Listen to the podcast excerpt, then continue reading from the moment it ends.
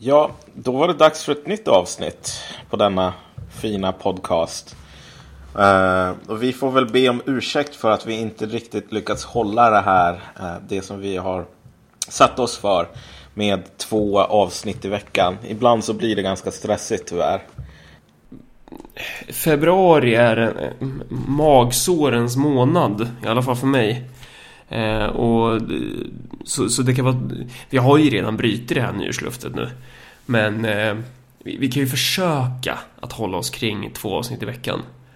Eh, vi ligger fortfarande lite kort med eh, de infrastrukturella medlen som skulle kunna behövas för att just kunna upprätthålla den sortens struktur. Fan vilket politikersvar jag fick till där. Jävlar. Ja, jo men precis. Nej men alltså våran föresats är fortfarande att så gott det går eh, spela in två avsnitt i veckan. Alla veckor kommer nog inte det att fungera, inte när det är så här C-uppsatser och massor med och liknande som spökar. Men jag menar, eh, det blir väl ändå våran föresats om vi säger ja, så. Ja, precis. Eh, och eh, eh, ja, det är en massa skit att göra helt enkelt. Men eh, Eh, vad ska vi prata om idag? Idag ska vi prata lite om... Eh, jag tänker, eh, ingången kan vara så här. Vi, har ju i ett tidigare avsnitt om Jeremy Corbyn snackat om eh, Katrin Marsall på Aftonbladet. Hon är på Aftonbladet va? Precis. Ja. Ledarskribent på Aftonbladet. Ledarskribent på Aftonbladet. Um, hon skrev ju i någon eh, artikel i somras inför, eller om det var i somras i våras kanske, skitsamma, inför det här valet av Jeremy Corbyn så skrev hon eh, att eh, det var fan i höstas kanske till och med. Skitsamma. Inför valet av Jeremy Corbyn så skrev hon att typ det är de, medel, det är de medelålders eh, vita kränkta männens år. Mm. Och sen så skrev hon liksom om att Jeremy Corbyn kommer ju aldrig bli vald och blir han det så, så kommer det inte bli något bra. Men han har gott sällskap i typ Sanders och Trump och andra vita män som är kränkta och arga. Ja. Eh. Hur gick det med det där egentligen? Jag, jag skulle ju vilja säga när liksom ledarskribenterna hävdar att det är de vita kränkta medelålders männens tid så skulle jag nog säga att nej, det är nog de vilsna ledarskribenternas tid. Eh, så har det ju varit ganska länge. Det är ju sällan som ledarskribenter faktiskt har någonting överhuvudtaget att komma med gällande politik. Men just nu så verkar det ju som att det har nått en helt ny nivå. Och det säger nog någonting om varför de är så förvånade över att eh, just den här sortens politiska kandidater kan komma fram i vår samtid. Och det handlar väl egentligen om att eh, det här systemet är så pass genomruttet så att folk hatar eliten, vilka ledarskribenterna är en del av. Ja, och det, ja, det är svårt för ledarskribenterna att fatta det, eller det är svårt för eliten att kunna finna sig där liksom. Eh, så man, man, man, kan ju bara hamna i den här sortens slutsatser då som är att nej men eh, hur ska jag förklara det här? Ja, men det handlar om att det är en korkad pöbel. Hur, hur ska man annars kunna förklara att de här personerna går framåt? Typ. Och att, att säga att systemet är ruttet, det behöver man ju inte vara kommunist för att kunna konstatera. Man kan ju till exempel vara en en av världens eh, liksom, mest kändaste multimiljardärer. Precis. Um, ja, och vi tänkte väl spela det klippet här faktiskt. also donated to several Dem Democratic candidates, Hillary Clinton included, Nancy Pelosi. You explained away those donations saying you did that to get business-related favors. And you said recently, quote, when you give, they do whatever the hell you want them to do. You better believe it. So what specifically did they do? If I ask them, if I need them. You know, most of the people on this stage I've given to, just so you understand. A lot of money. Not me. Not me.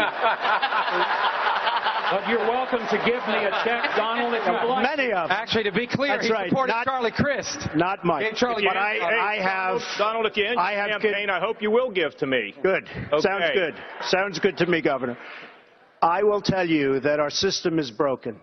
I give to many people. Before this, before two months ago, I was a businessman. I give to everybody. When they call, I give. And you know what? When I need something from them, two years later, three years later, I call them. They are there for me. So and that's get? a broken system. So what'd you get from Hillary Clinton and Nancy Pelosi? Well, I'll tell you what. With Hillary Clinton, I said, be at my wedding, and she came to my wedding. You know why? She had no choice because I gave. I gave to a foundation that, frankly, that foundation is supposed to do good. I didn't know her money would be used on private jets going all over the world. It was. Det han säger i det här klippet är ju ganska intressant. Den som pratar är Donald Trump. Eh, och det är... Donald J. Trump, författare till The Art of the Deal, eh, bäst, smartast, starkast, allt det där. Mm. Eh, och här, det han säger i klippet är ju alltså att eh, angående att systemet är genomkorrupt, det är ruttet. Och hur, hur bevisar han det här? Jo, han bevisar det ju med, med sina egna erfarenheter av att helt enkelt köpa eh, politiker. att han, han säger rakt ut liksom, ja, jag har köpt politiker eh, och eh, de, de gör vad jag vill att de ska göra.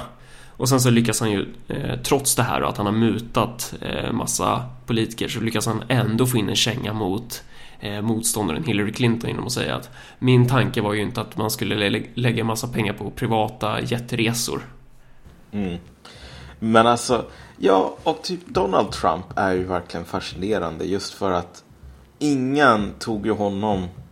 Vad vi har sett de senaste månaderna är ju, du känner till det här liksom the five stages of grief.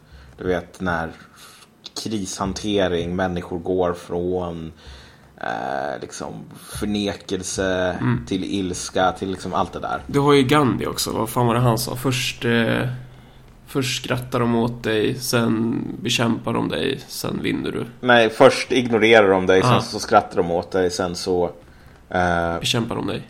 Precis, och sen så vinner du liksom. Mm. Men det, det, det, har varit lite samma sak för typ för ett par månader sedan. Då sa alla så här, Trump är ett skämt. Okej, okay. det kanske går ganska bra för honom nu. Men folk kommer att inse att de man ska rösta på är etablissemangets kandidater. Därför att jag menar, man kan ju inte hålla på och rösta på folk som inte är en del av etablissemanget. Herregud, vad skulle hända då? Uh, och så bara någon kom, någonting kommer att hända. Och sen ett par månader senare så står man där och så har ingen, inte detta något hänt. Och så inser man att vi har tappat greppet. Någonstans här så gled verkligheten ifrån oss. Och nu, alla de här som typ Jeb Bush som var Jeb Bush var ju den favoritkandidaten. Om du öppnar ett halvår gammal nummer av DN av no så kommer du att se att Jeb Bush talas som om liksom han kommer nog att vinna. Det är så jävla säkert liksom. Jeb Bush har skramlat ihop ungefär 100 miljo miljoner dollar som han har lagt ner på sin kampanj. 100 miljoner. Han har så här 5 till 8 procent i opinionsmätningarna bland republikanska väljare. Men, men, han är ju en sån här, vad ska man säga, eh, om man kan dra skoldebatter som en para parallell de flesta i, i det här landet har väl eh, tvingats genomleva några skoldebatter i sina dagar.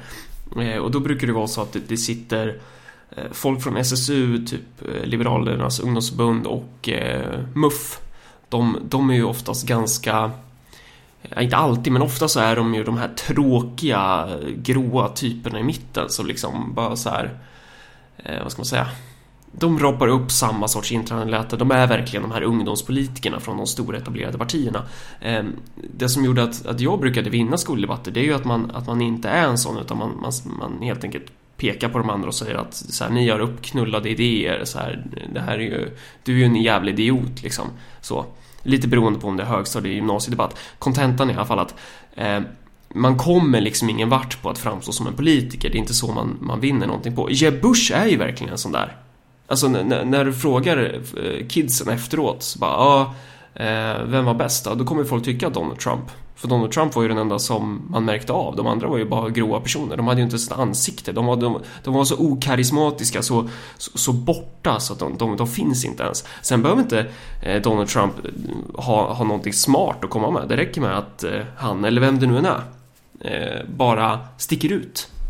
Precis, men jag tror att en av de stora, apropå så här, ha något smart att komma med.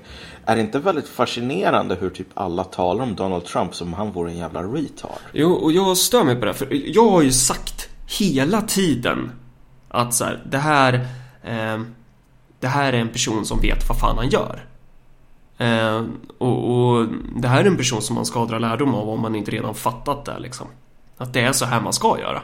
Eh, för att här har vi ett läge Alltså både Trump och Sanders eh, vet ju hur man utnyttjar motsättningar i samhället och då är det inte typ som att Trump bara så här Ja, nej men jag ska mobilisera proletariatet för att genomföra revolutionen typ. Utan mer som att eh, de eh, är inte i samma utsträckning, så här, Trump är väl en del av eliten, men han är inte en del av den politiska eliten i samma utsträckning. Ja, men Trump förstår människor, liksom. Vilket, vilket de flesta andra inte verkar göra. Nej, och, och när, jag, när jag säger att han är inte en del av den politiska eliten på samma sätt som Sanders kanske inte nödvändigtvis, eller de, de är väl det, men, men de är, skillnaden är i alla fall att eh, de ser att folk är jävligt lacka på, på det rådande.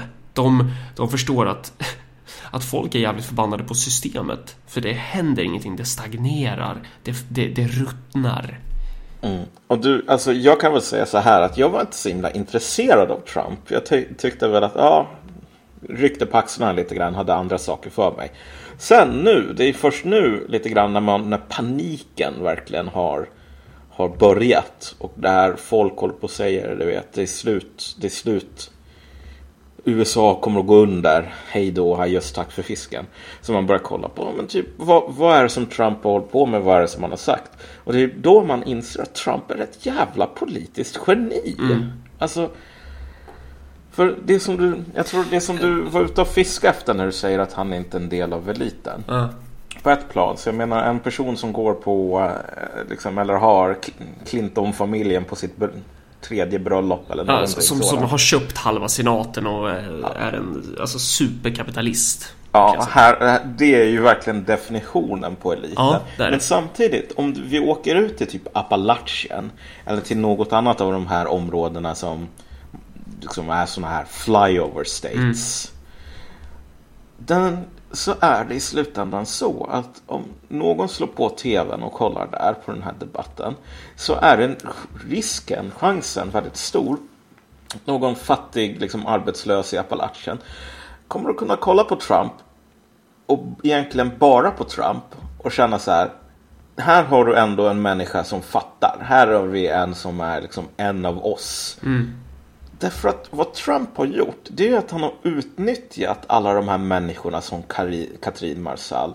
Det, det är egentligen folk som Katrin Marsall som har byggt Trumps kampanj. Precis, det är ju, det är ju den främsta delen i hans berättelse. Så systemet är eh, förruttnat. Eh, och det enda han behöver göra är ju att han behöver ju bara öppna käften och säga någon groda liksom så kommer de mobiliserar etablissemanget på stora trumman liksom.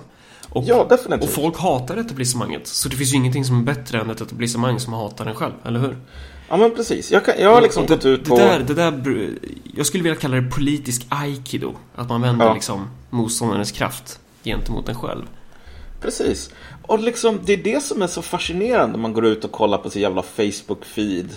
Mm. Inte lika mycket så nu, men förut var det massor så folk som bara, ja, typ tyckte att de var så jävla lustiga när de jämförde Donald Trump eh, frisyr med någon jävla majskolv eller något sånt där. Och det är bara så här.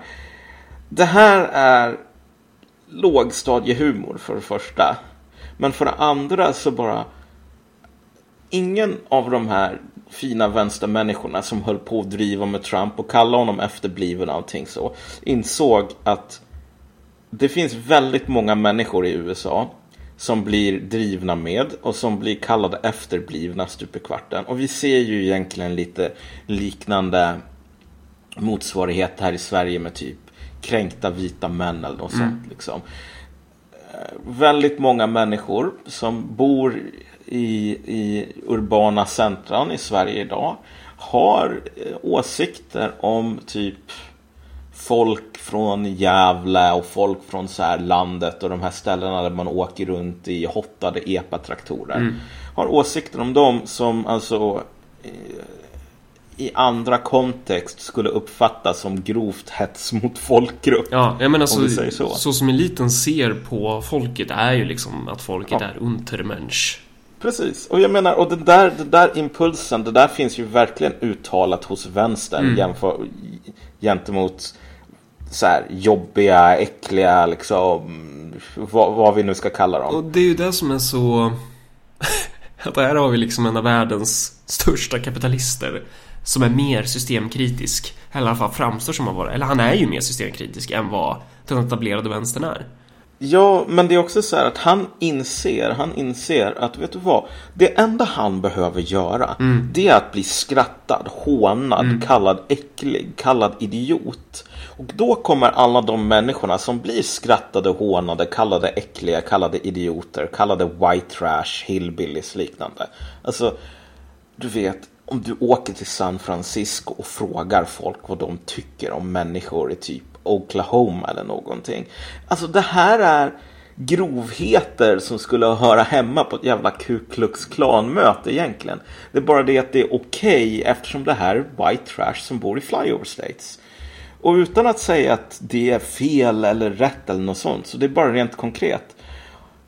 Vad Trump har gjort, det är att han har insett att det här hatet, liksom, vad ska man säga, är ett riktigt, riktigt användbart bränsle rent politiskt. Han behöver bara göra sig ett mål för det här hatet. Och så kommer människor som redan är hatade, som redan är vana vid liksom, att ingen tar dem på allvar annat än när det gäller så rasistiska karikatyrer, mer eller mindre. De kommer att kunna se på Trump och säga, vet du vad, han är en av oss. Och sen spelar det ingen roll att det här är liksom en multimiljardär. Som verkligen inte är en av dem.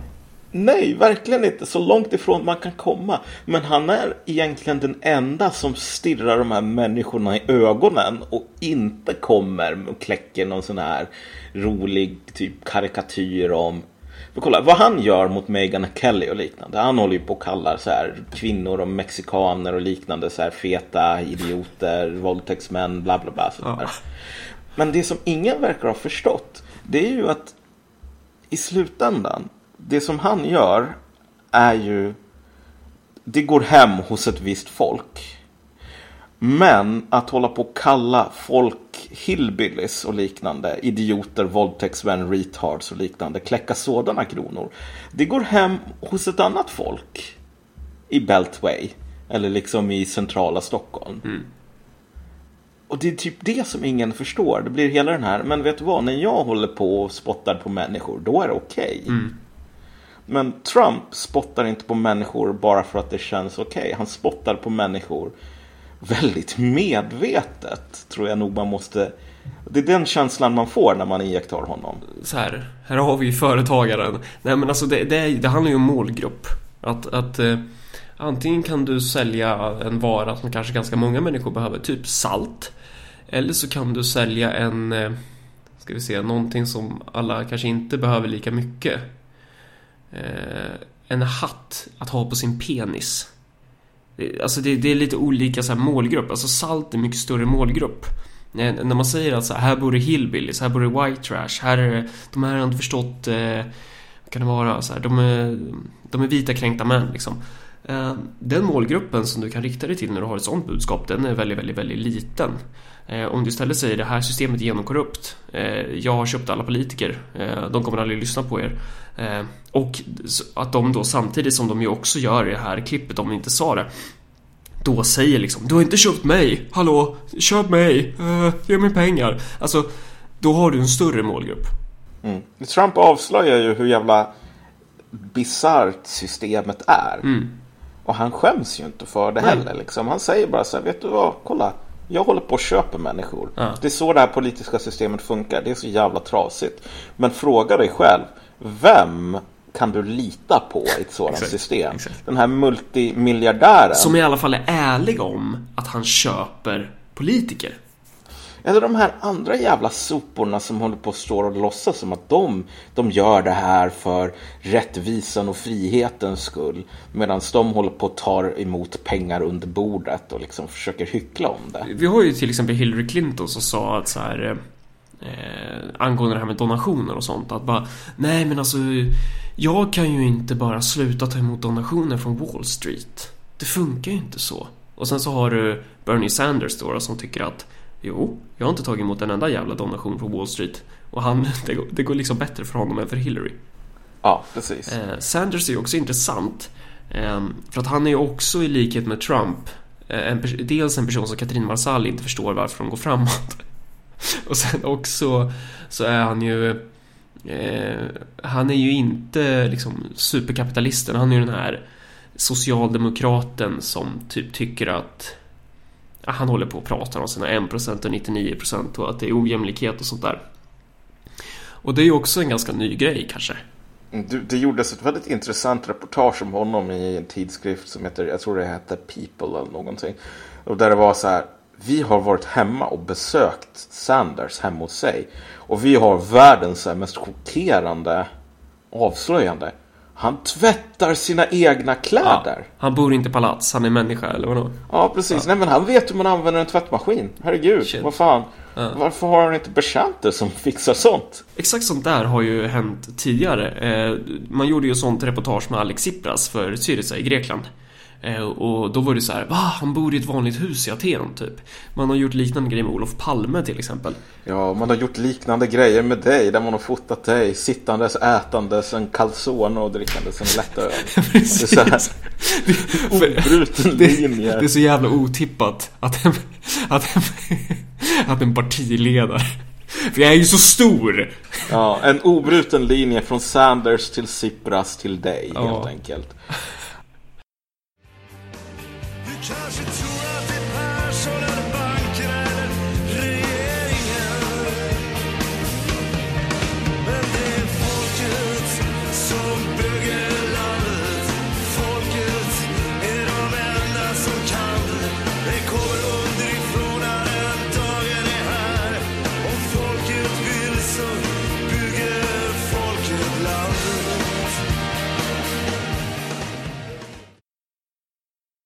Jag tänkte bara, en annan sak som är värt att nämna här angående Sanders är ju att både Sanders och Trump skiljer sig egentligen. De är, de är nästan mer lika varandra än vad de är mer, alltså det finns mer gemensamt mellan en Trump och en Sanders än vad det finns mellan en Sanders och en Hillary.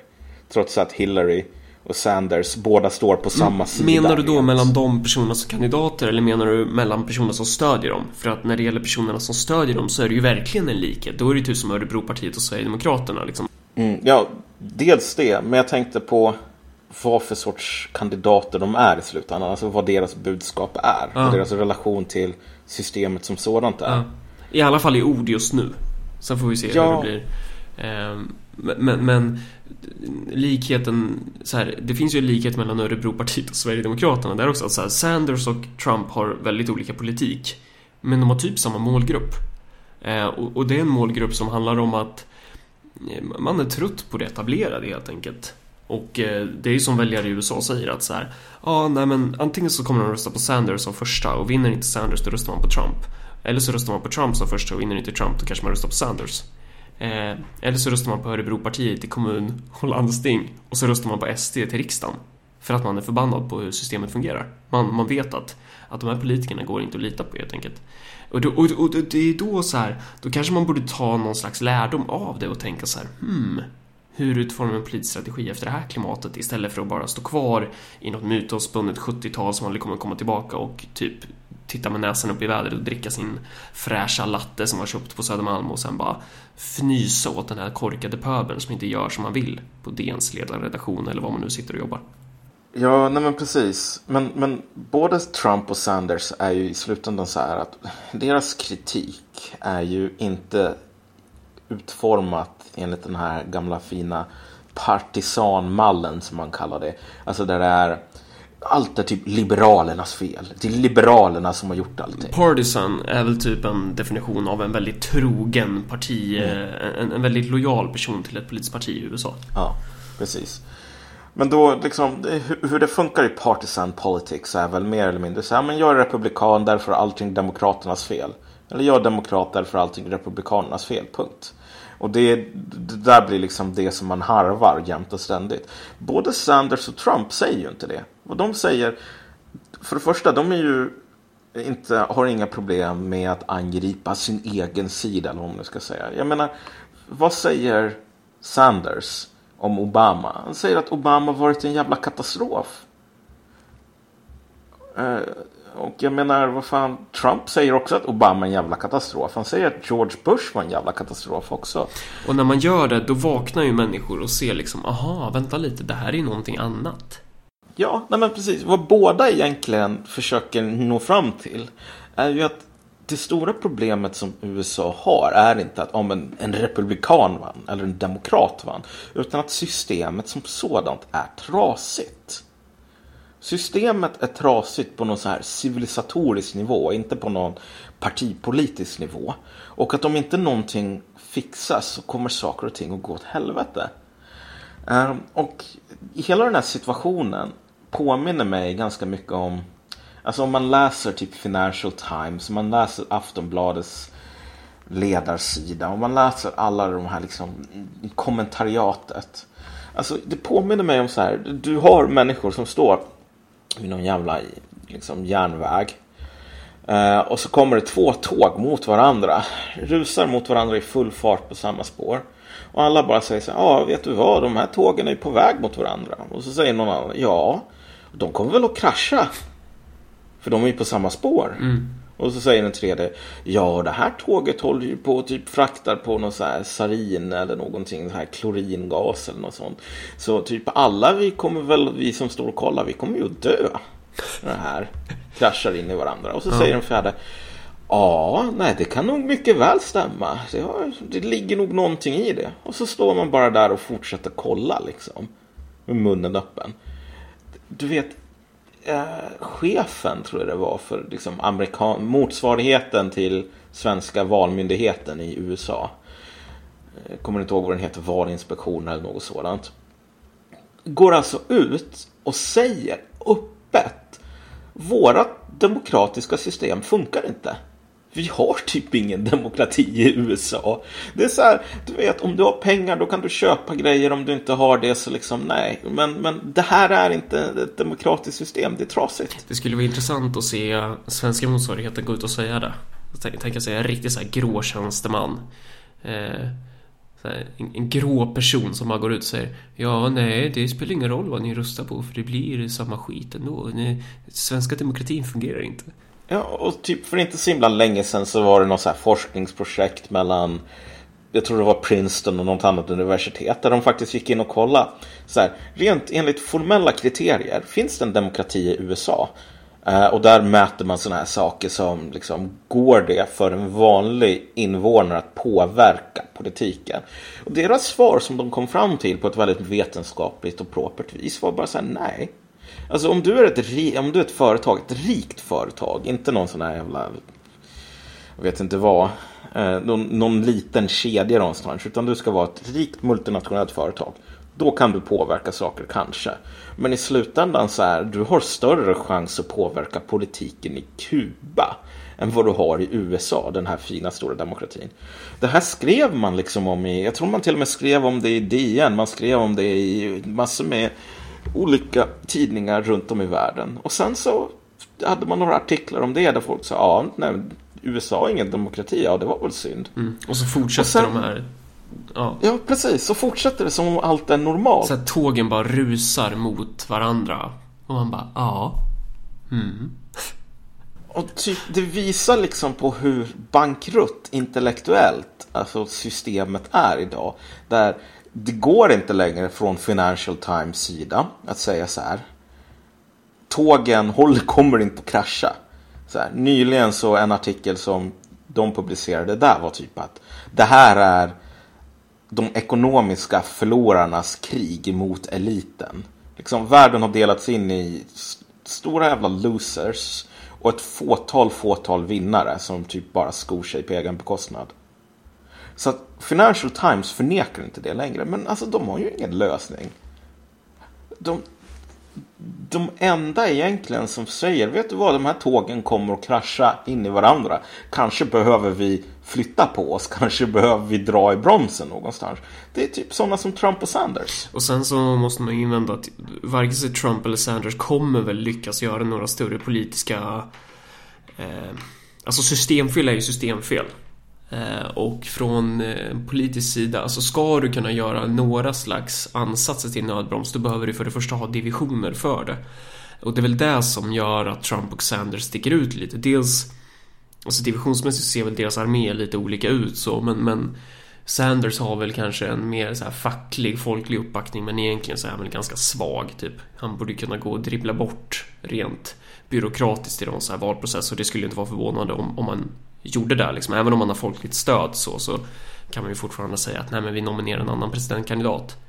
Eh, eh, Trump däremot har ju en del cash eh, och han skulle ju verkligen kunna vara så, som du sa liksom en, en, en ny Caesar. Ehm, och med ny Caesar så menar du väl typ Caesarism, alltså en, en, en person som eh, den starka mannen. Ja, nej men precis. Och det, det, kolla, det här är ju det som är det fascinerande också med USA. Uh, alla de, alltså det finns ju en anledning till att senaten ser ut som den gör. Det finns en anledning till att man talar liksom, i termer av republik och liknande. Alltså, man gjorde typ ett medvetet val. Uh, när man liksom tänkte, oh, men vad för sorts land ska USA vara? Och bygga mycket av liksom, vad ska man säga, mycket av rekvisitan kring så här romerska republiken.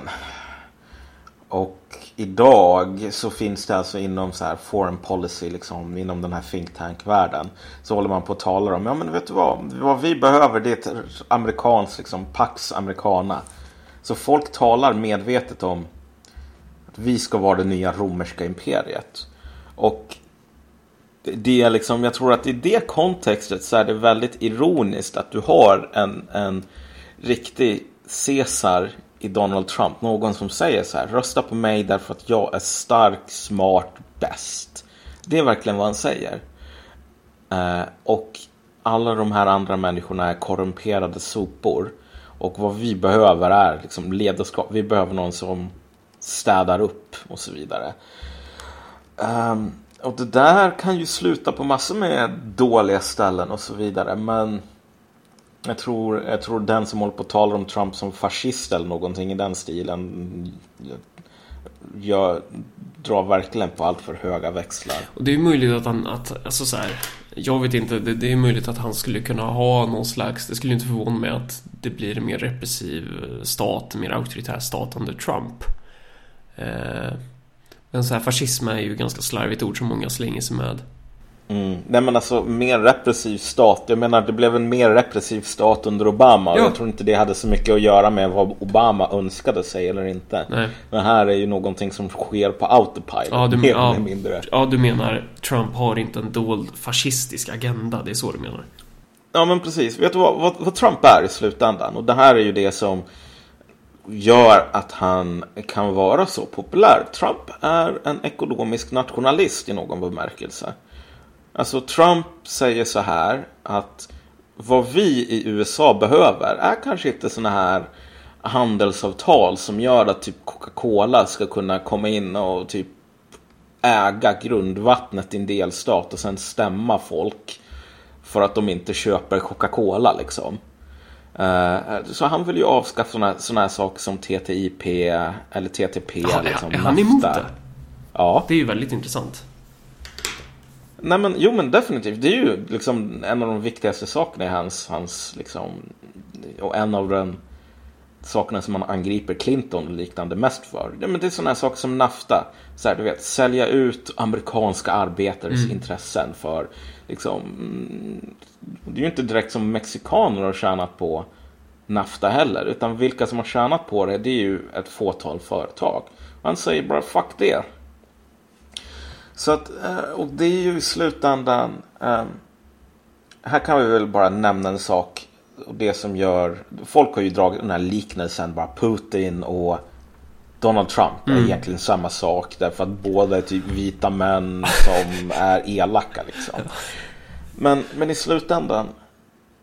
Om Donald Trump skulle kunna nå ungefär dit Putin är nu och gäller liksom ekonomisk nationalism. Mm. Då skulle nog fan um, USA vara lite mer drägligt att leva i. För om du tänker dig hur korruption funkar i Ryssland idag. Då är det så här. Ja men alltså typ Putin eh, har fängslat en del sådana här oligarker. Och sen resten, de som inte sitter i fängelse. De bjuds in till någon fin officiell middag i Kremlin. En gång om året eller en gång vartannat år eller vad det nu är. Och så sätter man sig ner runt ett fint runt bord och så säger Putin så här okej okay, under det här året det här är vad jag vill ska hända. Och sen så får ni komma med önskemål här och så kan jag liksom se vad vi kan göra åt dem. Där har du en kleptokrati som fungerar. Där har du korruption som fungerar.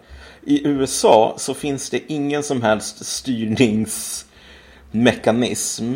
Utan det enda som du har det är de här företagen och de här oligarkerna som bara stjäl allt de kan. Det intressanta med Putin är väl att um, han är väl, det är någon sån här mellanväg. Alltså så här, ja men ni, företagen får, ni, ni får ha era jävla uh, dunderföretag här. Uh, på förutsättning att de tjänar så här inom citationstecken nationens intressen. Ja. Men så fort de inte gör det uh, och då kan man ju lägga in en massa grejer i nationens intressen då givetvis. Men så fort de inte gör det, då stänger vi ner dem. Det skulle aldrig kunna ske i USA. Nej, precis. Och det är lite grann det, det var just det som jag menar med ekonomisk nationalism. Alltså att det, det är egentligen ett perspektiv som om du har spelat typ Victoria 2 eller Europa Universalis eller något sådant. Så är det ganska enkelt att förstå det. Du, du spelar ett land och om du spelar det här landet normalt sett, det som du är intresserad av, det är ju att det ska gå så bra som möjligt för det här landet. Du ska ha så bra, jag vet inte vad, inkomst eller vad det nu kan vara. Och sen om det kommer någon så arbetare som säger, hej, men vi, vi, vi, det, vi får illa i gruvorna. Om jag spelar typ Skandinavien och har högerpartiet därför att de har typ state capitalism eller något sådant. Då kommer jag att kolla på liksom vilka val jag har. Och sen om jag tjänar om mer på att säga åt de här arbetarna i gruvorna och bara typ bita ihop och hålla käften.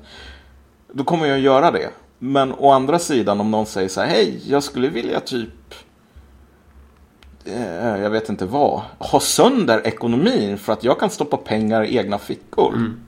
Då kommer jag säga dra åt helvete. Mm. Alltså, i slutändan så, hela den här vänstern har ju den här käpphästen om Putin är nyliberal. Mm. Och det är egentligen väldigt långt ifrån sanningen. Alltså Putin är inte vänster, har inte någon sån här värderingsgemenskap med någon av oss så. Men nyliberal idag betyder att du vill bli någon form av nationell komprador. Du vill inordna ditt land i olika system, såsom TTIP till exempel. Vad skulle TTIP göra för Sverige? Vad TTIP skulle göra för Sverige är att utländska företag skulle kunna dumpa gifter i svenska floder. Och sen så kan de här säga, vet du vad? Det är tillåtet att dumpa gifter i floder i Brasilien. Och om ni inte tillåter oss att dumpa gifter i Sverige så särbehandlar ni oss. Och då kan vi stämma er och stämma den svenska staten på miljarder kronor därför att den svenska staten inte tillåter dem att förgifta vattnet. Och i det här läget så är det ju ganska tydligt att liksom nationen Sverige, landet Sverige, skulle ha sålt mycket av sitt eget handlingsutrymme och bestämma typ om det är okej okay eller inte att dumpa gifter i vattendrag till, alltså man skulle ha gett upp den här makten och det är ju inte egentligen ens något annat land som skulle ha tjänat på det. Utan det är privatpersoner som man har gett upp den här makten till. Och den stora synden som Putin, eh, eh, i alla fall i liksom ögonen i Washington, en av de stora synderna som Putin är ansvarig till, det är ju bara att han säger så här, vet du vad, vi hade typ 90-talet där det var vilda västern och vi avreglerade och sålde allting. Och där man kunde komma in och typ köpa upp oljebolag för fem, 50 öre eller något sånt. Nu är det slut på det. Eh, Medan vi fortfarande typ tycker så i Europa mer eller mindre. Eh, som sagt. Donald Trump är ju, eh, har ju ungefär samma inställning. Att de här sakerna är ingenting som USA tjänar på. Uh, och det, det stämmer ju i slutändan. Alltså det är ju det här är ju det här är det första som du måste göra om du nu vill försöka bryta någon sorts koncentration av uh, pengaresurser i allt färre händer. Sen får vi se om det blir så, men det är i alla fall intressant hur de agerar. Och sjukt intressant att någon blir förvånad över att det går som det går. Då ska vi eh, ha lite annan information. Det är också, vi, vi ska ju påminna om den här eh, våran live-podcast som kommer gå av stapeln om 12 dagar idag. Jag vet inte när det här avsnittet blir färdigredigerat och kommer ut och så, men den, eh, fan är det, 13 februari i Victoriasalen i Göteborg kommer vi sitta och prata på det otroligt krystade temat Vad bör göras? Ehm, och det betyder ju inte att man måste åka till Göteborg. Gör fan inte det. Det är ju dyrt och så har vi ju SJ och det är vinter så ni kommer ju inte komma fram i tid och sådär. Ehm, men eh, vi kommer ju spela in det i efterhand. Men bor man i Göteborg kan vi komma förbi. Ehm, och vad är det mer vi ska säga? Jo, äntligen har vi fått igång vår jävla Patreon-sida. Så man eh, kan eh, registrera sig där och då kan man donera typ så här en dollar eller två dollar. om svarar det? Sju kronor, 14 kronor. Jag vet inte vad dollar står i just nu. Eh, man kan donera lite slantar per avsnitt som kommer ut och då dras det automatiskt. Jävligt praktiskt.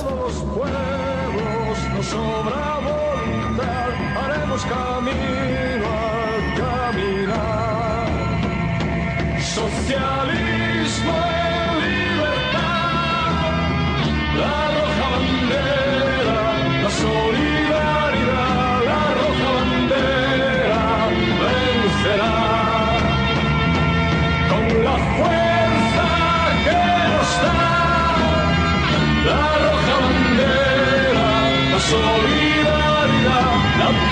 Master.